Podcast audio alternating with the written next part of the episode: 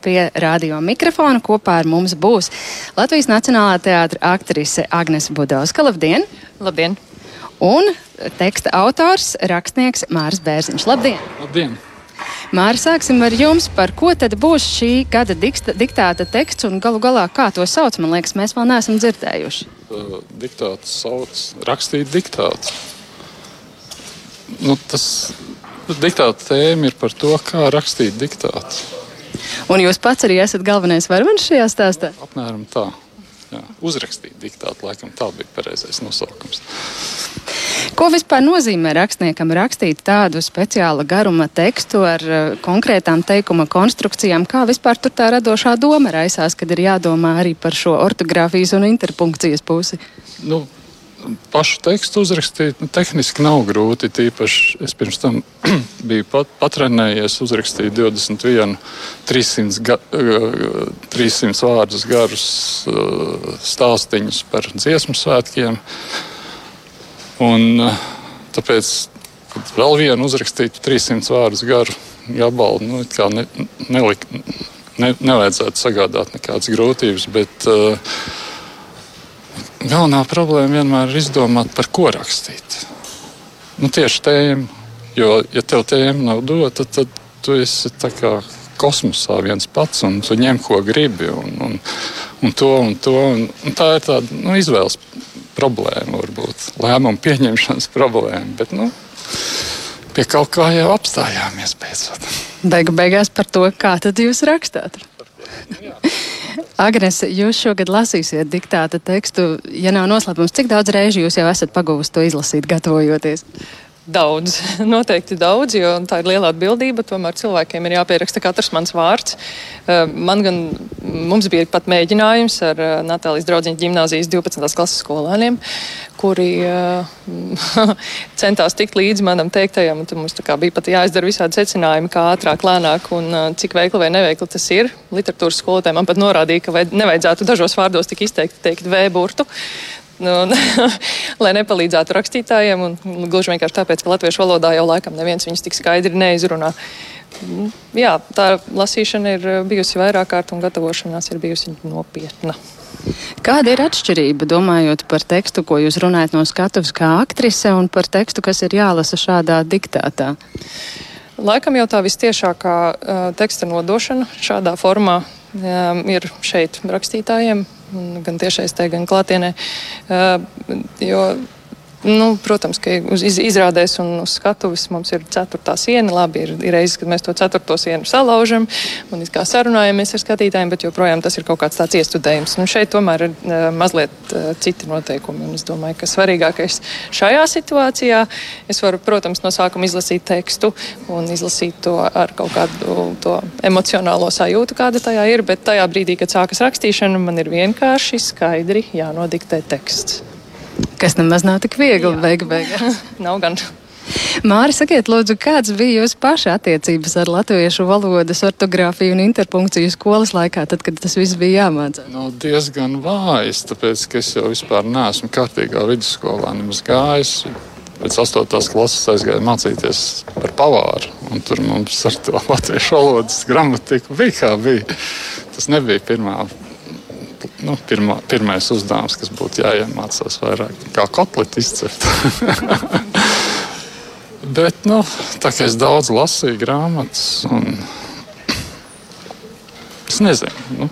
Kaut kā tā dabiski uzsūcās tā. Nu, kaut kā dabiski uzsūcās, jā, un arī, protams, intuitīvi arī bieži vien lietas pieturzīmes. Nu, galvenā, galvenā problēma jau ir, ir ar interpunkciju, pārējā ortogrāfiju. Nu, tā nu, raizes, man liekas, īpaši nevarētu nevienam sagādāt. Bet, uh, Vēl kā sa sagādā dažiem? Jā, nu, gadās, gadās, bet nu, interpunkcija. Un, un ir dažas lietas, ko man ir skaidrojuši, skaidrojuši un es vēl vienalga nesaprotu, kāpēc tas tā jādara. Ir.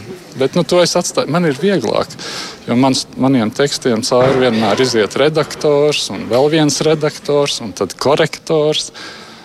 Un tad es vienmēr varu redzēt tā, nu, man kļūdas ir, nu, teiksim tā, ka es pat kādiem 85, 90% gramatiski uzrakstu pareizi, bet nu, kāds komats vienmēr trūkst. Jā. Bet kāda jūsu acīs ir nozīme tam, lai visi komati ir savā vietā un visi vārdi pareizi uzrakstīti?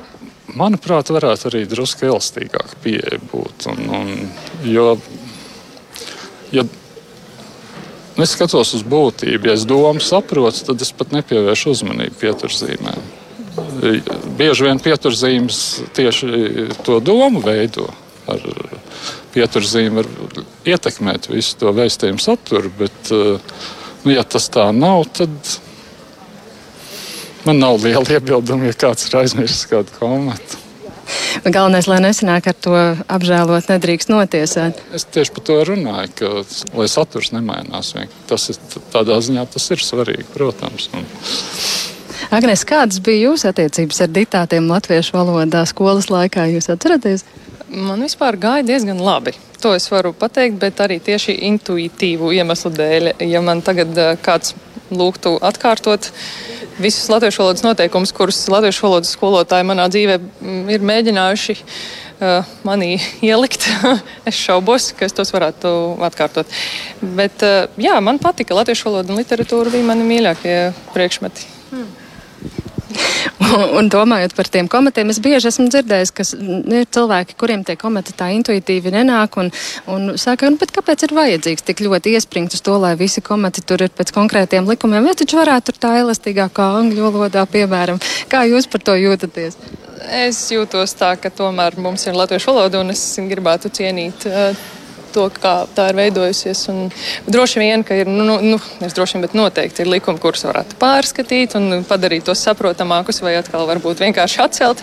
Gluži vienkārši tāpēc, ka neviens to nesaprot vai vairs nelieto. Um, tomēr es domāju, nu, cienīsim to savu valodu un, un rūpēsimies par to, lai tā turpina dzīvot. Kārtībai jābūt. Jā, kārtībai jābūt. Kārtībai jābūt. Jā, jo maza valoda, un kā mums te iepriekš sarunā teica Andrēs Usiļievs no Tildes, tad mazai valodai kārtība vēl svarīgāka kā lielai valodai.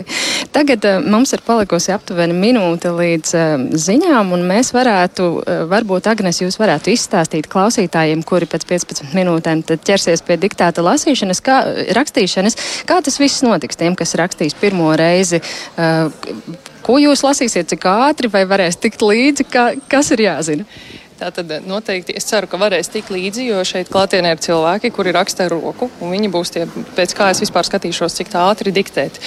Eh, tas notiks tā. Vispirms es tekstu izlasīšu no sākuma līdz beigām, tad pa teikumam, un katru teikumu vēl pa daļām izlasīšu. Un tad, kad es būšu teikumu izlasījusi pa daļām, es izlasīšu teikumu vēlreiz no sākuma līdz beigām, un tikai tad iešu pie nākamā teikuma. Eh, brīdināšu par to, kad sākas jaunas rindkopas. Un pašā beigās vēlreiz izlasīšu visu tekstu. Un pēc tam rakstītājiem būs laiks, lai tekstu pārlasītu, palabotu, ja ir nepieciešams, un beigās laiks nodošanai. Un, Māri, kā jūs jutīsieties klausoties šo tekstu? Es nezinu, kā es jutīšos. jo jūs atzināties, ka esat drusku uztraucies. Droši vien, ka es smaidīšu vienkārši. Es jau varētu pats rakstīt, bet, nu, it īpaši no rīta izlasīju, jau to diktātu pārlasīju. Es varētu rakstīt. es varētu pat uzrakstīt. Un tad redzēt, cik daudz tie 80-90% no tiem komatiem ir vai nav. No tā, cik es atceros komatus.